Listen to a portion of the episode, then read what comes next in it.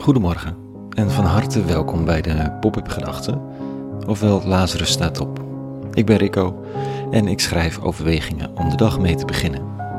Vandaag met de titel Iemand moet het doen, toch? Pop-up Gedachten woensdag 31 maart 2021.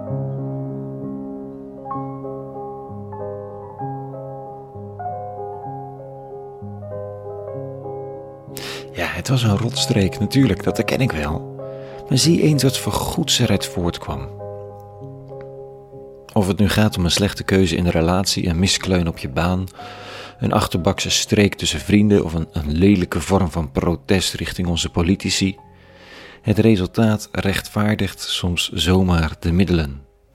We zeggen dan dat iemand het toch moest doen. We naderen de paastijd en al heel lang beweert de rabbi dat hij zal sterven. Dat is het lot wat hem te wachten staat. En het wordt een vrede dood, zegt hij. Zijn volgelingen pikken het in eerste instantie niet op. Daarna probeert Petrus het nog uit zijn hoofd te praten, want ja, zo'n vaart zal het toch niet lopen. En uiteindelijk is er vooral verdriet en duistere voorgevoelens. Een van de volgelingen wordt de sindsdien beroemde verrader, Judas. Over zijn motieven zijn de meest uiteenlopende verhalen geschreven. Dat krijg je als we er niet veel van weten en het toch nogal een impact heeft. En terwijl het zo duidelijk is dat het sterven de noodzakelijke weg is in het verhaal naar verlossing en een hoop en vernieuwing, ja, dat het sterven van de Messias de overwinning zelf is op het kwaad, bevestigd in het opstandingsverhaal, de weg erheen is een grimmige. En dit zegt de rabbi vanochtend. Wel gaat de mensenzoon heen, zoals van hem geschreven staat, maar wee de mens door wie de mensenzoon wordt overgeleverd. Het zou beter voor hem zijn als hij niet geboren was, die mens. Judas, zijn verrader, nam ook het woord en zei: Ik ben het toch niet, rabbi? Hij antwoordde hem: Gij zegt het. Oh, en wie er niet zo mee vertrouwd is, Jezus praat nogal eens in de derde persoon over zichzelf, verwijzend naar zichzelf als mensenzoon, een mensenkind. Nou, de belangrijkste gedachte van mij vanochtend uit dit fragment was jij het maar niet, Judas. En eigenlijk ook niet iemand anders, want de schuld die je hiermee op je laat is ondraaglijk. Het moet gebeuren, het is de weg naar de verlossing, maar het resultaat heiligt niet de middelen op geen enkele manier, zegt de rabbi bedroefd.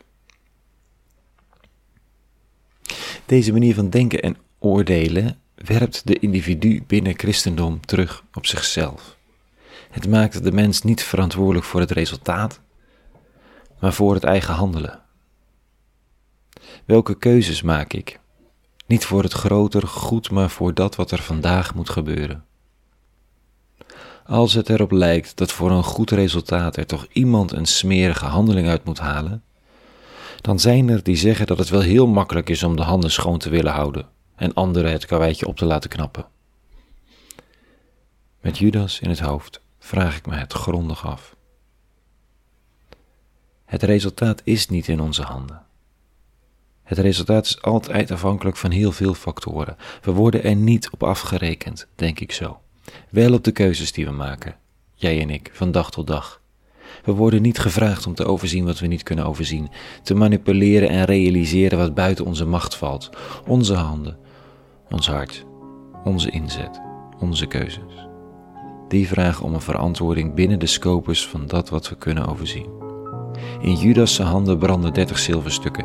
Pilatus probeert zijn handen te wassen in onschuld, omdat hij ook wel voelt dat ze niet onschuldig zijn. Mijn handen mijn verantwoordelijkheid. Het effect, de impact, de resultaten buiten mijn macht.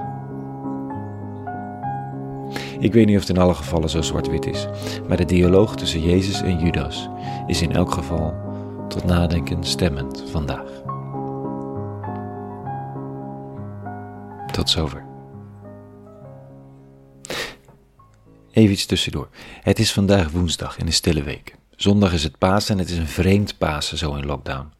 Daarom lassen we een extra pop-up gedachte in voor de zondag en nodig iedereen uit om in alle vroegte, als het nog donker is, op pad te gaan naar een mooie plek, bijvoorbeeld ergens aan het water, om de zon te zien opkomen.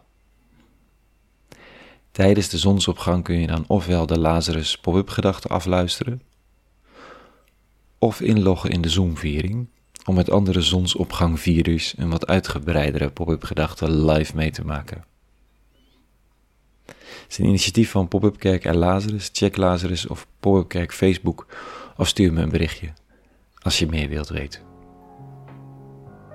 Voor nu, voor vandaag, een hele goede woensdag gewenst. En vrede natuurlijk. En alle goeds.